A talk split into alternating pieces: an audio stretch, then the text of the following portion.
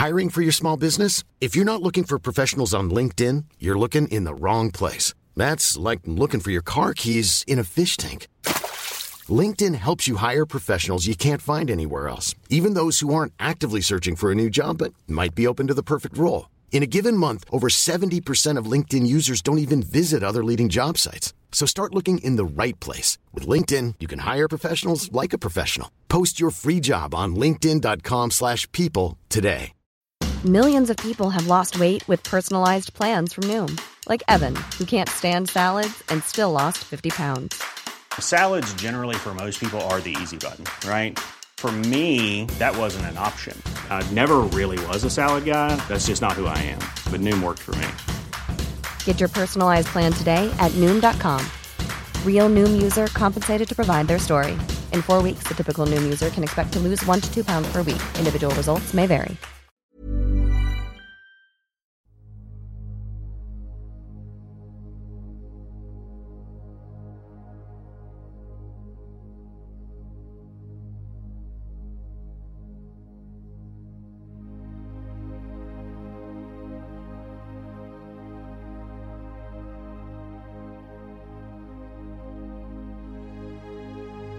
Ljus eller mörker gäller människor i den fysiska dimensionen och varelser i alla andra dimensioner. För att kunna se vad som är vad behöver vi människor vara öppna för både ljus och mörker. Det kräver mod och ett öppet sinne. Ljuset ger oss ljus, värme, kärlek, gemenskap, tillhörighet, vänskap och en massa vackra livsupplevelser. När vi talar om mörkret i podden så är det när vi människor upplever förvirring, kaos, hot, angrepp, manipulation, splittring som bidrar till att man känner sig ensam, isolerad och rädd. Att vara i sin egen kraft är att våga se verkligheten för vad den är och där göra medvetna val. Du kan bara kontrollera din värld, dina känslor, din livsupplevelse och det är att vara i sin egen kraft. Varmt välkommen till podden Kosmiska samtal.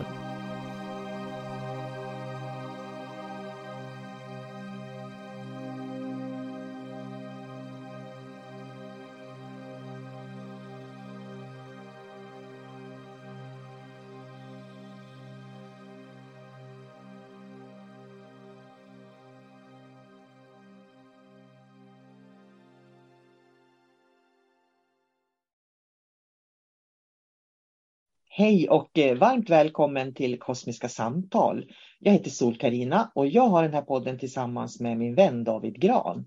Så därför säger jag hej David! Hej hej sol karina Idag så blev temat dimensioner och hjärnan. Hur är det förenligt eller oförenligt och hur hänger det samman eller inte? För jag brukar ju ofta presentera dimensioner. Det är ju mer man kan vara i hjärtat, ju mer kontakt med olika dimensioner har man och även med Akasha-biblioteket skulle jag vilja säga. Eh, hur tänker du kring dimensioner och hjärnan? Först och främst så skulle jag vilja säga så här att om vi ska vara här i den tredje dimensionen med den här fysiska kroppen så då måste vi också ha tillgång till hjärnan. Så det är klart att den är involverad i allra högsta grad. Sen när vi reser dimensionellt så då kommer vår hjärna fortfarande att vara med och influera den tredje dimensionens strukturer. Så att det är det som gör allting så svårt. För om jag till exempel sätter mig ner och så eh, gör jag en avläsning på en annan människa. Om jag gör det via intellektet, för det kan man göra. Alltså det, det är information som går hela tiden fram och tillbaks och eh, hjärnan har mycket erfarenhet. Så hjärnan kan läsa av en annan människa otroligt bra. Och då blir det en mix av att eh, jag läser av den andra människan liksom dimensionellt om jag säger så. En mix och som är hjärnan och hjärnan, det är inte alltid sanning det den säger, utan det, den hittar ju på liksom mest troliga scenarion. Och sen ska det filtreras också genom mina erfarenheter. Så att sen när jag ska prata med klienten och sammanfatta vad jag har gjort för avläsning så filtreras allting genom mina erfarenheter och det filtret och det kan ju bli väldigt vad ska man säga, färgat Mm. Så att återigen, det är väldigt viktigt att hålla koll på, på den fysiska hjärnan så man inte blandar in den.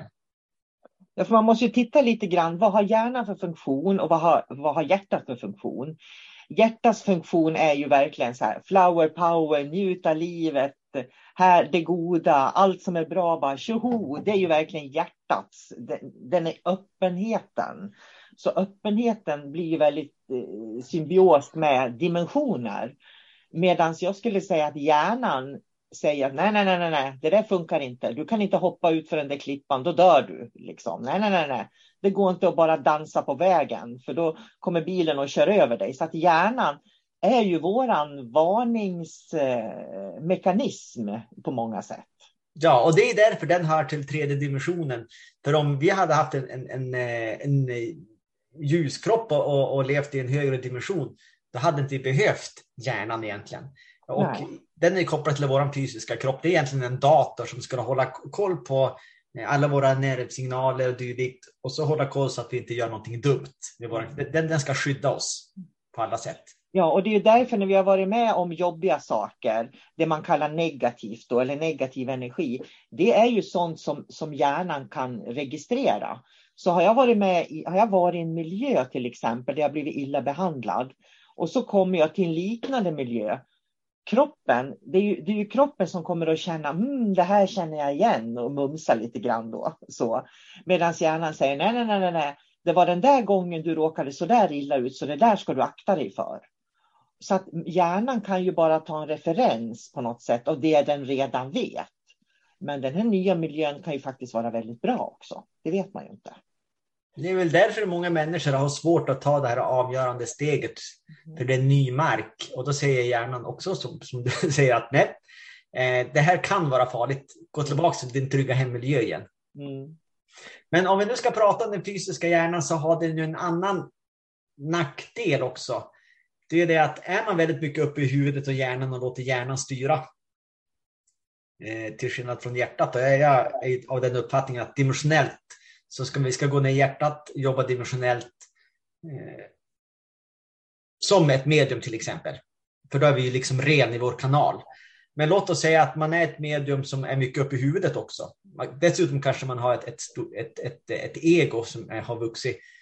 Om man nu har ett mörker bredvid sig som jobbar med en som är intresserad så kommer det att infiltrera den där eh, läraren eller mediumet.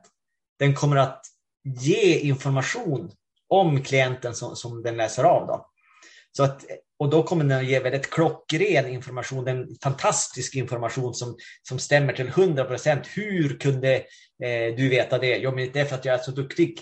Ja, det är för att du använder hjärnan och hjärnan är influerad av en demon. Så mm. hade du istället gått via hjärtchakrat, eh, då hade inte demonen kommit åt dig. De hade inte kunnat ge den där klockrena informationen, för den är gjord för att snärja på olika sätt. Så att det är också en anledning varför man eh, när man till exempel gör behandlingar eller jobbar dimensionellt, gå ner till hjärtchakrat. Alltid utgå därifrån och låt den fysiska hjärnan hålla koll på den fysiska kroppen och den fysiska världen så att man skiljer de här världarna åt. Ja, för hjärnan är ju till för att den fysiska kroppen inte ska skadas eftersom den är en biologisk process som är sårbar. Och dör den fysiska kroppen eller skadar sig, då, då dör ju vi också och, och vår möjlighet att verka försvinner ju helt och hållet. Jag brukar tänka, jag har en liten bra liknelse för, för många, många år sedan. Jag brukar berätta den här på den esoteriska utbildningen också. Så ringde en man till mig och han var så förtvivlad då, för då hade han varit i ett medium i USA och jag kanske har berättat det här på någon podd tidigare, men jag tycker det här är så signifikant. Eh, och, för då hade han varit i ett medium i USA som hade sagt att han skulle träffa sin soulmate då, om ett år i september. Så han satte sig ner och spelade tv-spel i ett år i princip. Och sen när september kom så hade han ju fortfarande inte träffat henne. Och då var han ju förtvivlad. Vart tog hon vägen? Jag vart ju spådd liksom att hon skulle komma då. Och, och, och, jag brukar säga att det här är ett typexempel på precis det, tycker jag, det du beskrev alldeles nyss. För att om han skulle ha, han hade säkert träffat kvinnan i sitt liv under året, det är jag övertygad om. Men han kan inte sluta leva för det. Han måste gå ut i samhället, fortsätta att gå kurser, eh, träffa människor, arbeta, röra sig där ute och liksom lära sig kom att kommunicera i samhället med flera människor. Men han gjorde ju inte det, för han visste att hon skulle komma. Liksom. Och det är ju så här, menar jag, som, som eh, det du kallar mörker då, kan lura människor via egot. Att så... man går in och styr upp tankarna så att man liksom tappar den här förmågan att vara mångdimensionell ute i samhället som man faktiskt borde vara. Jag, jag fick en bild här också att eh, om den här personen har en stig som den ska gå eh, och en bit längre fram på stigen där, där hade det stått den här eh, drömkvinnan.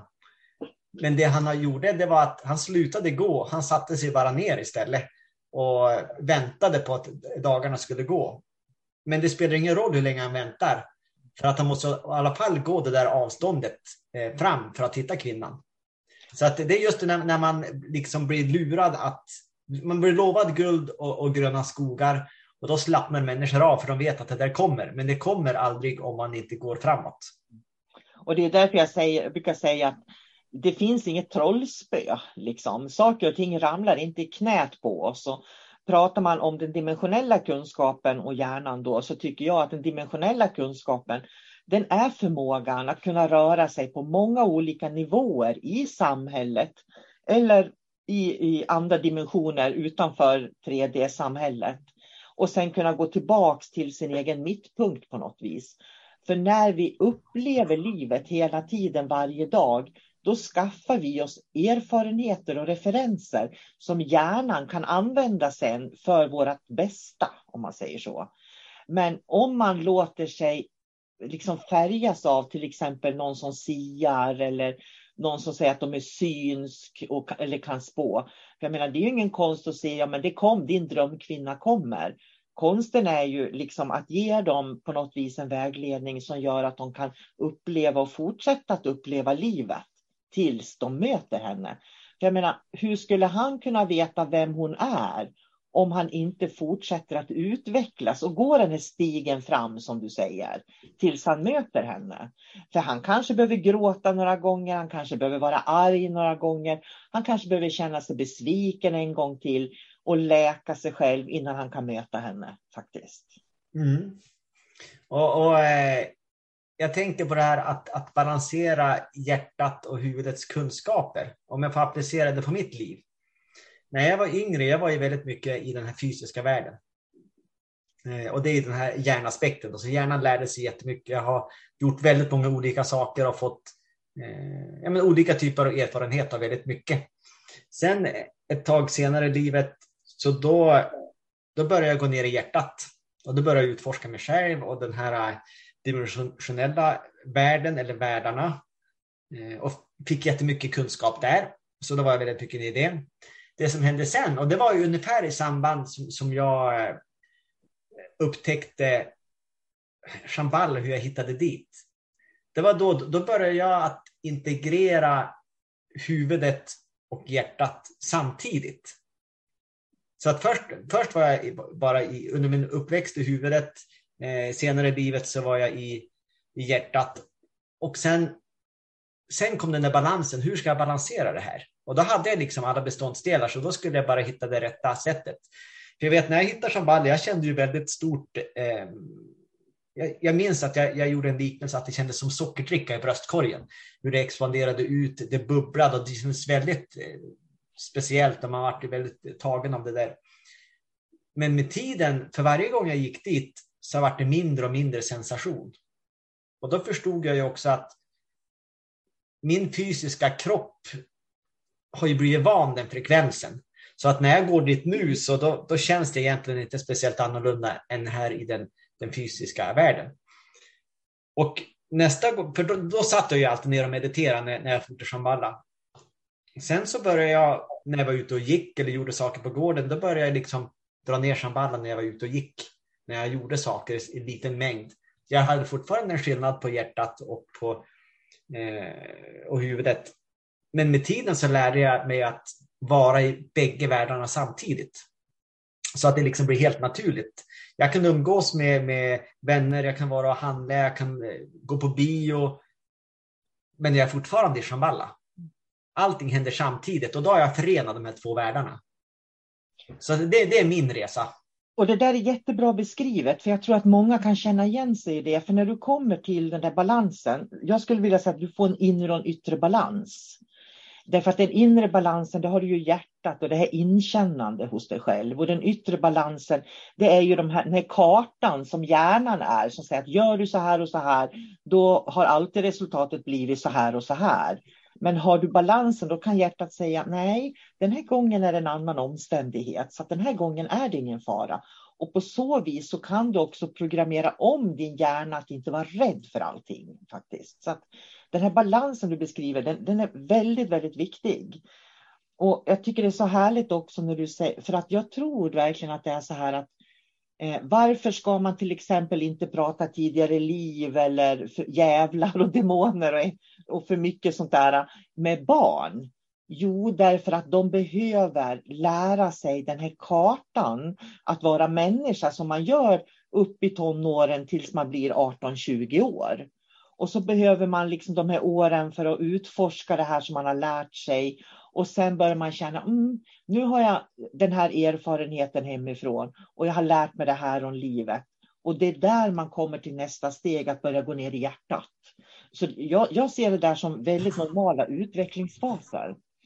Och det här, för mig, när du pratar om Shambhala, om det är någon som är obekant med ordet så vill jag bara säga att Shamballa är ju verkligen våran sanna essens, som jag kallar det för. Det är det som är Shamballa.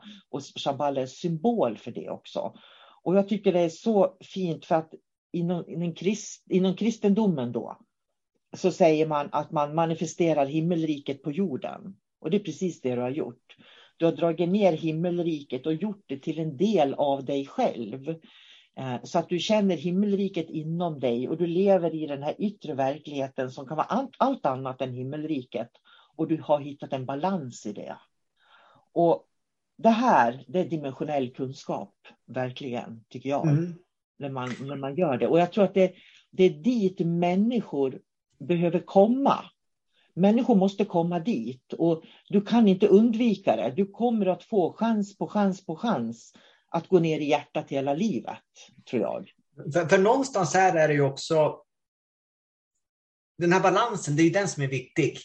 För om man är nu till exempel en, en lärare eller ett, ett medium eller en, en människa som anser att man har gjort ett andligt uppvaknande och så är man väldigt mycket i huvudet. Då tror jag att det finns en fara mellan att, att man kan bli man kan få hybris. Man kan tro att jag är Jesus till exempel. För att man, man har försökt tänka med intellektet på något sätt. Eh, så att det är jätteviktigt att hela tiden balansera upp det här i vågskålen. För du har fortfarande en fysisk kropp. Du kanske är Jesus, vem vet? Men i det här livet så är du en fysisk människa. Och ska vi kunna vara i den här kroppen och liksom vara förankrade på jorden med vårt medvetande, så då måste vi kunna balansera upp det här så att det, det väger jämnt på vågskålen. Man kan inte bara vara i huvudet, man kan inte heller bara vara i hjärtat. För då fungerar inte vi som människor. Och det där är jätteintressant, för då kommer man ju också in på det här med identiteter. Vad, vad identifierar man sig som? Eh, och, och, där också, jag tänker på det här med barn igen då, att man väldigt, väldigt tidigt eh, influerar barnen till att ha en viss typ av identitet. Eh, och jag tror, att, jag tror att det är jätteviktigt att barn ska lära sig att fungera i samhället, att fungera i relationer. Och det här med identitet kommer automatiskt när de blir tillräckligt stora, inte när de är små. Tror jag. Nej, man måste ju ha bred erfarenhet för att kunna få en identitet. För om jag aldrig har ätit bak, bakelser och bakverk till exempel, då är det ju, eller inte ens vet vad det är, då är det ju väldigt liten risk att jag ska identifiera mig själv som en bagare. Mm. Men, men har jag väl bakat bröd en gång, och, eller kakor, så, då har jag det bak i huvudet. Ja, men det är så här jag bakar bröd. Jag kanske, jag kanske ska starta ett, ett konditori. Nej, vänta nu. Jag, ska, jag testar lite mer. Jag testar flera tusen olika upplevelser och sen väljer jag vad, vad är bäst för mig. Vad tycker jag är roligt? Men har jag bara provat en eller två saker, visst, det kan ju bli min identitet, men den blir ju väldigt skev och falsk eftersom det finns ju oändligt många saker där ute som jag aldrig har testat på som potentiellt eh, mycket bättre och, och roligare för mig. Och därför är det så viktigt att ge barnen när de växer upp att, att de får möjlighet att prova på. och känna, mm. för det är ett sätt att hitta sig själv på. Och jag tycker det är jätteviktigt också att, att säga det att hjärnan har inte utvecklats 100% fullt ut för man är 25 år. Så att det, det är ju liksom jätteintressant och då tänker jag, jag såg någonstans på Facebook, det var en, en sexåring som hade magkatarr till exempel. Och då tänker jag, hur är det ens möjligt för en sexåring att få magkatarr? Och så går de till en läkare som bortförklarar det då med att ja, men när de är i den åldern då, två år senare då, när den här personen är i 8-9 års ålder, när man är i sexårsåldern har man mycket mörka tankar, säger, säger läkaren. Jag tror inte att, eller jag tror, om en sexåring har magkatarr, för varför får man magkatarr? Magkatarr får du när du har för mycket störningar i tankar. Du, du har för mycket tankar som fladdrar i huvudet. Så du tänker hit och dit och du är orolig och du är rädd och du är glad. Allt det där om vartannat. Men du är inte trygg. Det är ju där man får magkatarr. För tittar man på människor som är vuxna som lär sig mindfulness, reiki, meditera, ta det lugnt, skala bort, så släpper magkatarren också. Så för mig är det liksom så här, jag kan inte riktigt förstå varför människor idag inte ser att en sexåring som får magkatarr är något allvarligt fel hos föräldrarna som har fostrat den här, det här barnet. Men det är liksom så fel och vi får liksom inte säga att det är fel på föräldrarna. Och fel och fel, de lever ju bara i det yttre flödet, i hjärnan. Där det ska vara på ett visst vis, man ska göra på ett visst sätt. Och så försöker de liksom plutta in barnen i de här kartorna på något vis. Och barnen blir sjuka utav det.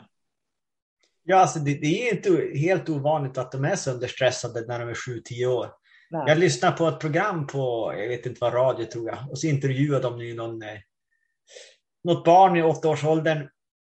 Och det var aktiv, förutom skolan då, så var det aktiviteter, var det sex eller sju gånger i veckan utöver det. Det var fotboll, det var innebandy, och så var det ballett och så var det något, eh, typ pingis, orientering och så ibland var det två träningar på en dag också. Eh, jag menar, för det första, är det det som barnet vill? Då? För det, det låter ju, är man åtta år gammal, man, det enda man, när jag var liten, jag ville ju leva som ett, ett, ett frö för vinden. Jag ville göra det som var roligt, ut, utforska, upptäcka. Eh, inte vill jag ha sådana där styrda regler, för det utvecklas man ju inte av. Då blir man ju bara, det blir en prestationsångest på något sätt. Och så ska man antagligen vara bäst i alla de där grenarna också.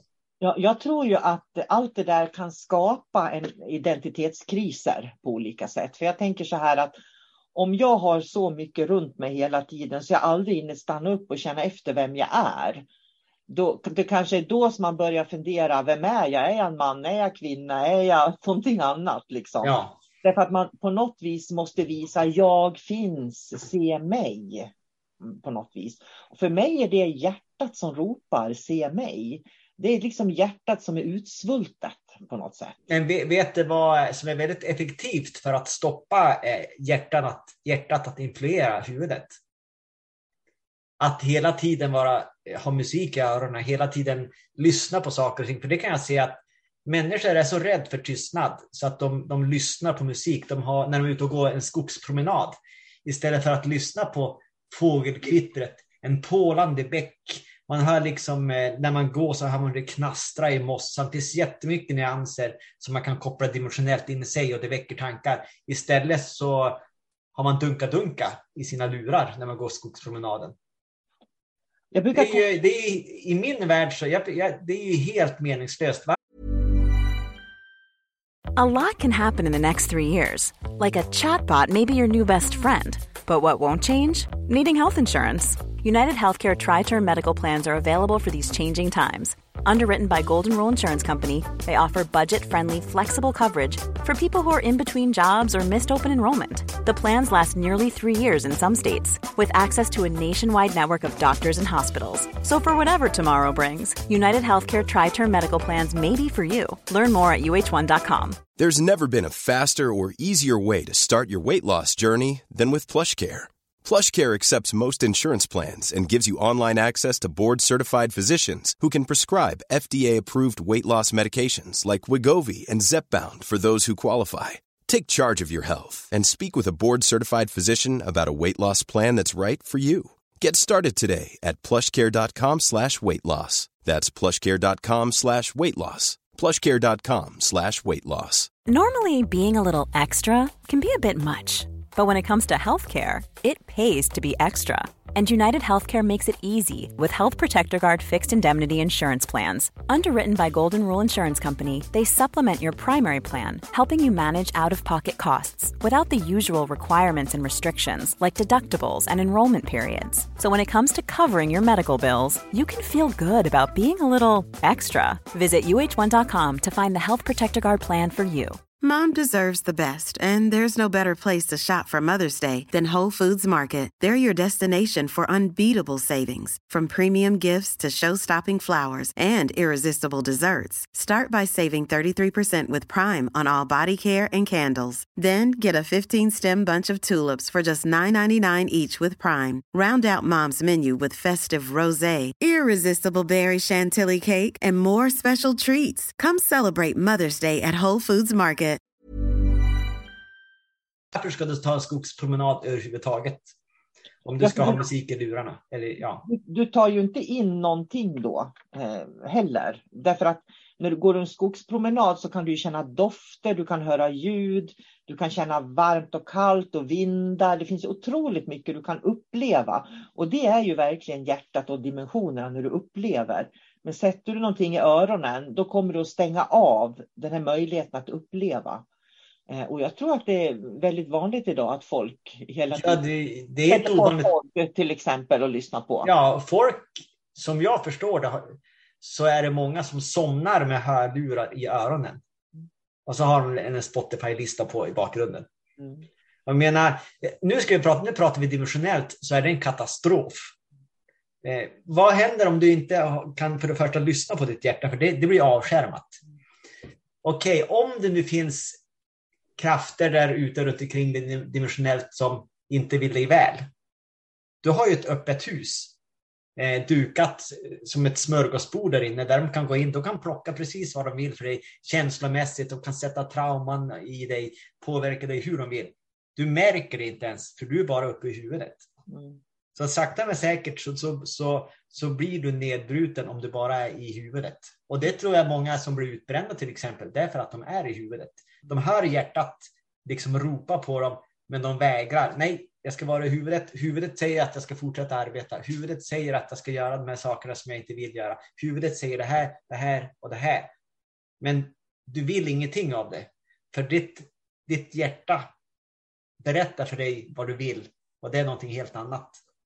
Men lyssnar man på huvudet så kommer man gå in i den berömda väggen. Mm. Och jag tror att det är många sådana människor är ju trötta också. Därför att du får ju ingen energi av att vara i huvudet. Du blir ju trött. Kroppen blir tung. Därför att är du bara i huvudet då får du aldrig de här nya kreativa flower power-influenserna som jag brukar säga. För de, finns, de kommer ju från hjärtat. Det är ju hjärtat, jag menar, det räcker egentligen med att hålla en liten stund på hjärtat så sätter oxytocinproduktionen igång. Så håller du fem minuter på hjärtat och verkligen är i hjärtat så kan man alltså få ett hormonellt välmående som håller sig i sex timmar, säger ju forskningen. Mm. Det finns ju väldigt, så det, och det är ingenting du kan köpa dig genom hjärnan på något vis. Och nu ska jag säga någonting här som jag inte har belägg för. Så ni får, ni, ni får avgöra själva eller ni kan få, fara ut och, och googla på det här. Men jag hörde en, en eh, som berättade för mig, eh, någon forskare, en hjärtforskare, som hade börjat undersöka liksom på mikroskopnivå om hjärtat och den hade betydligt mer eh, den är mer avancerad än vad vi tror. Det fanns mycket mer nervkopplingar än i hjärnan till exempel. Och att enligt den studien så visade det sig att, att hjärtat var egentligen eh, hade samma funktion som hjärnan. Fast det var som en, en, en, en extra hjärna då, om man säger så. Så att där fanns, och, och, och det stämmer väldigt väl överens med vad du och jag tycker och tror att, och våra erfarenheter att hjärnan, nej, hjärtat är portalen till dimensioner. Mm. Och den är kopplad till den fysiska kroppen också, så att, eftersom vår kropp är en del av dimensionerna. Och hjärnan är ju egentligen till, det är ett varningssystem för att varna för att kroppen inte ska gå sönder. Så den är ju urgammal sedan vi var jägare och gick på savannen. Liksom. Det är ju där vi behöver hjärnan. Och jag tror att en väl fungerande hjärna, den fungerar så här att du tar in informationen genom hjärtat. Sen går den upp till tredje ögat och där tolkas den. Så att du ska inte tolka med huvudet, du ska tolka utifrån eh, informationen du får ifrån eh, hjärtat. Ska du tolka genom tredje ögat. Men det är baserat på den kunskap du har. Om du då har låst dig vid att det är på ett visst sätt och det här är rätt och det här är fel och sådär. Då kommer du, att få, då kommer du inte att kunna tolka signalerna från hjärtan, hjärtat på rätt sätt. Så jag tror att i grund och botten så tror jag att det är hjärtat som är den riktiga hjärnan, inte hjärnan. Hjärnan är bara en alarmklocka, skulle jag vilja säga, som talar om när det är fara på färde. Medan hjärtat är vårt äkta, vår äkta hjärna egentligen. Ja, den dimensionella hjärnan eller medvetandets hjärna kan man ju säga också. På något jag, tänker på, ja, jag tänker på, vi pratar om barn, jag måste bara koppla tillbaka, för jag tänkte på en sak som jag ofta kan höra från föräldrar. Föräldrar är oroliga för sina barn och så säger man, när han kommer hem från skolan, han bara går in på sitt rum och så sitter han där och han gör ingenting, kan de säga sådär. Och då brukar jag säga så här till föräldrarna, Ja, men tänk dig att vara barn idag och vara i ett klassrum eller på ett dagis där det är 20 barn som alla pratar hela tiden. Du ska lära dig en massa saker hela tiden. Och sen när du kommer hem, så otroligt skönt det måste vara att kliva in på sitt eget rum och stänga dörren och det är tyst. Nej, då kommer föräldrarna och så öppnar de dörren. Nu ska du på pingis, nu ska du på bandy, nu ska du på det, nu ska du på det. Herregud, ska du inte umgås med någon? liksom. Och då, då har de inte gjort annat i åtta timmar än att umgås med, med folk hela dagarna. Och det här, det är precis, jag menar, då tänker jag på våra barn som stänger dörren, sätter sig lite grann för sig själva. Både små och stora barn de, någonstans försöker de få kontakt med sitt hjärta och sig själva. Medan vuxna försöker plutta in dem i den här konstruerade kartvärlden som den, den fysiska hjärnan är. Ja, det, det blir ju så när vi vuxna vill fostra, så då vill vi pracka på dem hjärnans struktur. Men däremot får de liksom fria tyglar då, på sätt och vis. Så då är de redo att upptäcka hjärtats alltså hjärtats kraft. Mm. Och Det är därför man inte ska servera barn allting. Man ska inte ge dem, du ska, de ska inte äta på samma tallrik varje dag. Här får du en specialkopp och här får du din mat som du äter jämt. Som jag har gjort den precis, lagt upp den på precis det sättet du vill ha den. Då är det bara det är hjärnan som efterfrågar att, att eh, pannkakan ska vara rullad på samma sätt hela tiden. Det är inte ditt, ditt hjärtchakra. Så att variera hela tiden, allting. Mm. Och när någonting har blivit en struktur, bryter loss från strukturen, gör någonting annorlunda. Eh, om ni har en favoritplats på bordet eh, där ni äter, byt. Vi kan rotera varje dag. Nej, idag ska jag sitta här. Vi mm. flyttar ett steg varje dag, runt, runt, runt. Mm. Det, det är ett sätt att, att liksom låsa upp hjärnans struktur. Ja, och kanske inte åka samma väg till dagis och skolan heller om man, om man kör bil eller hämtar dem, utan man provar lite nya vägar också. Det tror jag också är viktigt. För jag tänker så här, det här barnet som sitter inne på sitt rum och känner att nej, jag har ingen lust att gå på pingis. Det är så otroligt viktigt att de liksom får känna, nej jag vill inte. Att, att, de får, att de kan få höra den rösten och när de hör den rösten så ska de kunna säga det till föräldrarna. Och föräldrarna ska inte liksom, ja men kom nu, den här, gå den här gången nu, eller nu har vi betalt för den här terminen eller vad det kan vara. Och så det de gör är att de sliter dit dem så att de tappar den här förmågan att höra den här rösten. Utan istället blir det det här, eh, eh vad heter det, eh, att man bara hör liksom det som är fint i samhällets ögon. Eh, jag tycker det, jag måste bara säga det för att jag har ju en son som eh, är läkarstudent och det är så intressant fortfarande. För till och med han kan märka skillnad när människor får veta att han är läkarstudent mot om han hade sagt att han kör buss till exempel. Så, så vi är liksom tillbaka där att vi har så otroligt mycket förutfattade meningar om yrken, om aktiviteter, om vad ett barn ska göra och inte ska göra. Istället för, jag menar han, för mig kom det upp ur det blå att han valde att bli läkare. Precis som det kom upp ur det blå att jag har en son som är brandman. Eller att det kom upp ur det blå att jag har en dotter som sitter som eh, syokonsulent. Det, alltså, och jag har en son som är busschaufför. Förstår du? Det, jag har liksom, de har valt yrken, för precis som du sa, de har fått pröva på en massa saker och så bara hittar de någonting som känns bra. Och det har ingenting med hjärnan att göra. Det är det jag vill komma till. Det har med hjärtat att göra. Och det ja. är den här, den här skillnaden som är så otroligt viktig. Liksom. Ja, och, och eh, hur vi programmerar det, det, det, det synsättet också. Jag, jag, minns att jag var ju tillsammans med min kvinna för många, många år sedan. Och när jag träffade hennes familj för första gången, ja, andra, tredje kanske, då frågade de mig vad, vad jag hade för utbildning. Och de var ju lite fina i kanten så att eh, det var ju väldigt viktigt med dem, för pengar, med pengar och prestige var ju viktigt och utbildningar. Så då sa jag att nej, men eh, jag har ingen utbildning alls. Jag har gått gymnasiet, eh, det är det enda. Och då var det som tyst i rummet, som att luften gick ur. Så här, jaha, jaha, just det, ja, ja, okej. Okay. Mm. Och så kliade de sig lite grann i huvudet och, så där, och försökte som uppföra sig. Men det märktes ju att de varit väldigt bryddade och det, det är någonting som de har lärt sig. De, de, de, de ville ha det på ett visst sätt och de hade kanske någon uppfattning att ja, men jag, jag, har, jag, har, jag har studerat det där och det där och då hade det varit en helt annan femma. Då hade de sagt, men vad kul, vad kul, du har studerat, vad bra. Det är så man ska göra. Men jag gav dem inte det. Och det är, det är deras hjärna som har en struktur, berättar för dem hur de ska uppföra sig. Och det är det här som är, jag tänker på när det blir överdrivet. Jag såg faktiskt en kvinna på Instagram och jag fastnade helt för jag tänker vad gör människan tänkte jag. För då, då hade hon så här kvinnocirklar och det var feminism och det var den här kvinnliga delen som är väldigt, väldigt i ropet just nu. Då. Det ska vara liksom tantra och feminism och kvinnokultur och kvinnocirklar och sådär. Och jag säger inte att det inte behövs, det gör det. Men vad är det man gör egentligen? För då satt hon i ett linne och det linnet hade liksom glidit ner över axeln då när hon satt och pratade. Och för mig var det, det var det liksom, vad är det hon vill att jag ska se? Vad är det feminina hos henne?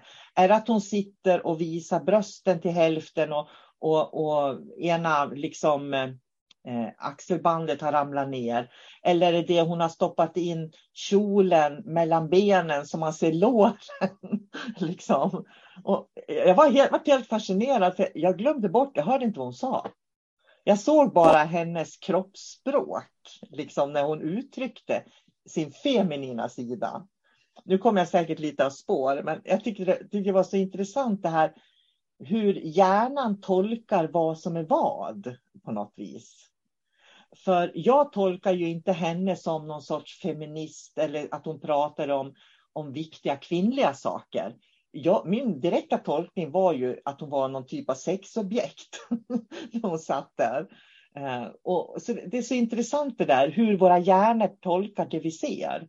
Men då har ju hon kidnappat ett, ett ämne som, som är väldigt eh, populärt. Men i slutändan så handlar det bara om henne. Det var ett sätt för henne att, att, att synas då. Att få bekräftelse kanske. Ja, för mig blev det det eftersom hela hon satt där och uttryckte liksom kvinnliga former, om man säger så om jag skulle prata om kvinnliga frågor och så där, så skulle jag nog kanske välja att få ett ansikte. Så hade hon bara haft sitt ansikte till exempel och sen prata om de här sakerna, då tror jag att jag hade lyssnat också. Men hon skapade en bild som inte stämde överens med det hon sa på något vis. Och det jag vill komma till här, det var väl egentligen det då. Jag kan se att när många går ner i hjärtat då, går, då blir de lite för flower powiga om man säger så. Så att då ska det liksom alla gränser slängas. Det är ungefär som på 80-talet när ingen skulle ha bh. Liksom sådär. Eller, eller på 70-talet eller när det var. Man ska liksom man kastar bort moralen på något vis.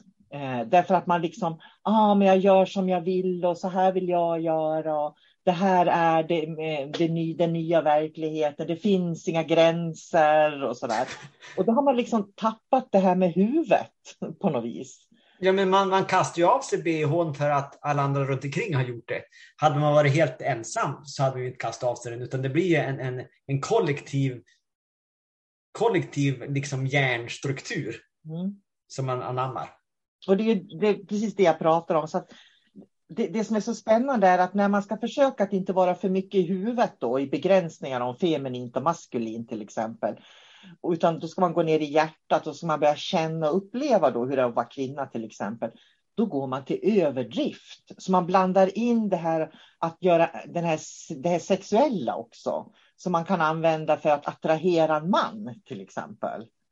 Så, ja, men då har vi återigen, det är den här balansen mm. som man måste balansera. Och ett, jag kan dra ett exempel på det där också att om du pratar om balans. Det var också förra sommaren, då, då kom det hem en, en eh, besök till oss, till oss och så eh, kommer det bland annat en kvinna som har jobbat väldigt mycket med de här kvinnofrågorna. Eh, hon också är väldigt extrem. Och då sa hon, det för, bland det första hon sa, det var så att jag, jag känner att jag mår inte så bra idag. Alltså jag jobbar med min, med min kvinnliga sida och den manliga har jag försökt få bort länge nu och så skrapade hon lite på axeln ungefär som hon skulle putta bort det manliga. Så att ja, jag ska bara ha det kvinnliga. Mm. Och så tänkte jag så här att blir du mer kvinna om du tar bort din manliga del? Om vi nu ska prata kvinnligt och manligt. Det är ju egentligen eh, det är bara ord. Mm. Visst måste det bästa vara om man, om man istället ser allting som beståndsdelar. Jag har olika egenskaper och olika beståndsdelar. För att jag ska må bra så ska jag ha balans på allting. Man kan inte plocka bort en hälften eh, av innehållet från, från liksom en vågskål och tro att man får balans. Då blir det bara en enorm snedbelastning. Och jag, jag tänker också, det, det, är ju olika kulturer i kulturen, så i samhället så har vi ju manskulturer och kvinnokulturer, absolut. Det är inte så att jag på något vis har någonting emot det, men det vi pratar om här det är ju dimensioner och hjärnan då och att vi har hur vi liksom att på något vis, som du säger, den här balansen, att det ska vara lite av varje. Som jag tänker så här att om jag vill att jag ska bli, om jag vill bli hörd för de feminina eh, frågorna som jag tar upp, då sitter jag ju inte halvnaken och, och, och gnuggar kroppen hit och dit. det är liksom så, så självklart. Och då, i samhället idag så är det liksom så här, ja men varför ska man inte kunna göra det? Och så att på något vis verkar människor ha glömt att kroppsspråket också är signaler som skickas ut. Precis som känslor kan ligga i luften eller tankar kan uttalas, så kan vi också med kroppsspråket skicka ut väldigt mycket eh, vilka vi är och hur vi ser på saker och ting. Men, men tror den här människan, då, hon som satt där, tror hon att hon eh, är mer kvinnlig, är mer kvinna, om hon eh, sitter lättklädd framför kameran? Ja, och gnugga kroppen hit och dit. Är man, är man mer kvinna om man signalerar det? Ja, men det är det som är så intressant, för då tänker jag också, eh, för jag är ju kvinna och jag vill ju bli sedd som kvinna och accepterad som kvinna också. Men jag, vill, jag ska inte behöva sitta och gnugga kroppen hit och dit och vara lättklädd för att bli accepterad som kvinna. Liksom. Man förnedrar, alltså helt ärligt så förnedrar man sig själv och sin egen intelligens om man blottar sig själv eh, framför kameran för att få respekt. Mm. Då har man sänkt sin integritet. Ja, på något vis så tycker jag det. Och sin och sen, intelligens. Och sen är det också intressant, jag brukar säga, för jag är ju korthårig nu eftersom jag har tappade håret under cellgiftsbehandlingar. Och jag märker ju hur människor eh, behandlar mig annorlunda sen eh, med det här korta håret mot när jag hade långt hår. Så att det, det, är ingen, det är ingen tvivel om att det finns eh, liksom skillnader på män och kvinnor och hur vi bemöts i samhället och hur vi ser ut och så där. Och det är ju fel naturligtvis. Men eftersom jag nu har mer en manlig look mot förut när jag hade en kvinnlig look så kan jag ju se att jag får mer respekt när jag möter människor. De, de tar mina ord mer på allvar mot vad de gjorde när jag hade långt hår. Så att det finns ju mycket att prata om i samhället eh, och mycket att diskutera och sådär. Men jag tror i alla fall att eh, vill man bli respekterad så behöver man ha både det kvinnliga och det manliga. För jag skulle vilja säga så här att hjärnan är det manliga. Hjärtat är det kvinnliga. För hjärnan är kopplad till det yttre eh, agerandet på något vis. Medan eh, det kvinnliga inom oss är kopplat till hjärtat, det här kännande varandet. Och vi behöver den balansen så skulle man försöka vifta bort det manliga så innebär det att jag lyssnar inte på huvudet överhuvudtaget för mig. Och då kommer man ner i det här flower power, bara vara i hjärtat som en LSD-tripp ungefär. LSD-tripp, man ska leva loppan eh, under en sommar. Och har man inte hunnit gå upp till huvudet sen så då kan man, kommer man hamna i misär, man kommer att tappa hus och hem och alla relationer och allting. För att man bara är i hjärtat. Mm. Så att det, och det är ganska intressant också för jag, som jag har sagt förut på podden, jag har mött, mött fantastiska eh, ljusa människor som har varit liksom utslagna i samhället. De kan inte hantera det här livet. Eh, de kanske är alkoholister eller de bor på gatan för att de kan inte vara i hjärnan. De har ett fantastiskt eh, öppet hjärta. Men de har ingen, ingen, ingen hjärna som kan förankra det. Så därför så, så klarar de inte av livet och så drar de till sig alla de här problemen. Så att återigen, hade de eh, kunnat använda sig av mer struktur mm. så då hade de varit en fantastiska människor om de hade balanserat upp allting. Hade de kunnat sköta sina liv här på jorden. Och det skulle jag vilja koppla till vårt ansvar när vi fostrar, fostrar barn. För när vi fostrar våra barn så ska vi fostra dem till att kunna hantera det här komplicerade samhället. Det är det vi fostrar våra barn till. Och kan de hantera det komplicerade samhället, de kan hantera komplicerade relationer som de kommer att möta, för det möter alla människor, ingen undslipper det. Då kommer man också att kunna eh, ha den här balansen mellan hjärta och huvud, tror jag, som är så viktig. Så att det är vår uppgift att fostra barnen Eh, inte för mycket flower och power, det ska de ha. Eh, så att de, ungefär som jag sa, att de ska kunna sitta på sitt rum utan att de känner att, eh, att de gör någonting dåligt och bara vara med sig själva. Men de ska också kunna fungera i relation till andra människor. Och det är vårt ansvar som vuxna att göra det. Och jag kan se att människor som är under utveckling, när de håller på att lära känna sig själv, så blir man lite extrem. Man är antingen eller. Så i den här spirituella och andliga utvecklingen så kan det vara för mycket huvud eller för mycket hjärta. Och är det för mycket hjärta, då tror jag man reagerar som den här kvinnan gör. Och är det för lite hjärta eh, och för mycket hjärna, då är man helt styrd av det yttre samhället och vad som eh, händer där. Det är då man tittar på alla sina grannar och vill göra exakt likadant. Ja, om grannen har bytt bil, då ska jag också byta bil till exempel. Ja, de, om en startar gräsklipparen i ett villakvarter, då startar alla andra gräsklipparen också. Det är ganska typiskt. Jag har bott i flera villakvarter och det, det är så. Är det en gräsklippare så kan du ge dig den på att, att eh, det startar en till och dagen efter kommer nästa. Liksom. Eh, så de, det, det, är verkligen så. Men du, jag tror vi ska avsluta om du inte har något, något speciellt du vill eh, tillägga. Nej, men jag tycker att det här är en jätteviktig podd det här. Att tänka på att balansera upp huvudet mot hjärtat och låt det vara med. Den balansen ska du leva ditt liv i. Mm. Och känner man att man inte vet vad skillnaden är, ta reda på det, skulle jag vilja säga. Ta reda på vad det innebär för dig att vara i hjärtat och lyssna på hjärtat. Och ta reda på vad det innebär för dig att lyssna på huvudet. Så att man tar reda på vad innebär det för mig själv som person. För min erfarenhet är att lyssnar man för mycket på hjärnan och låter det yttre styra, då måste man börja läka hjärtat ibland också. Jag tänker på den här kvinnan som, som du sa som ville peta bort det manliga.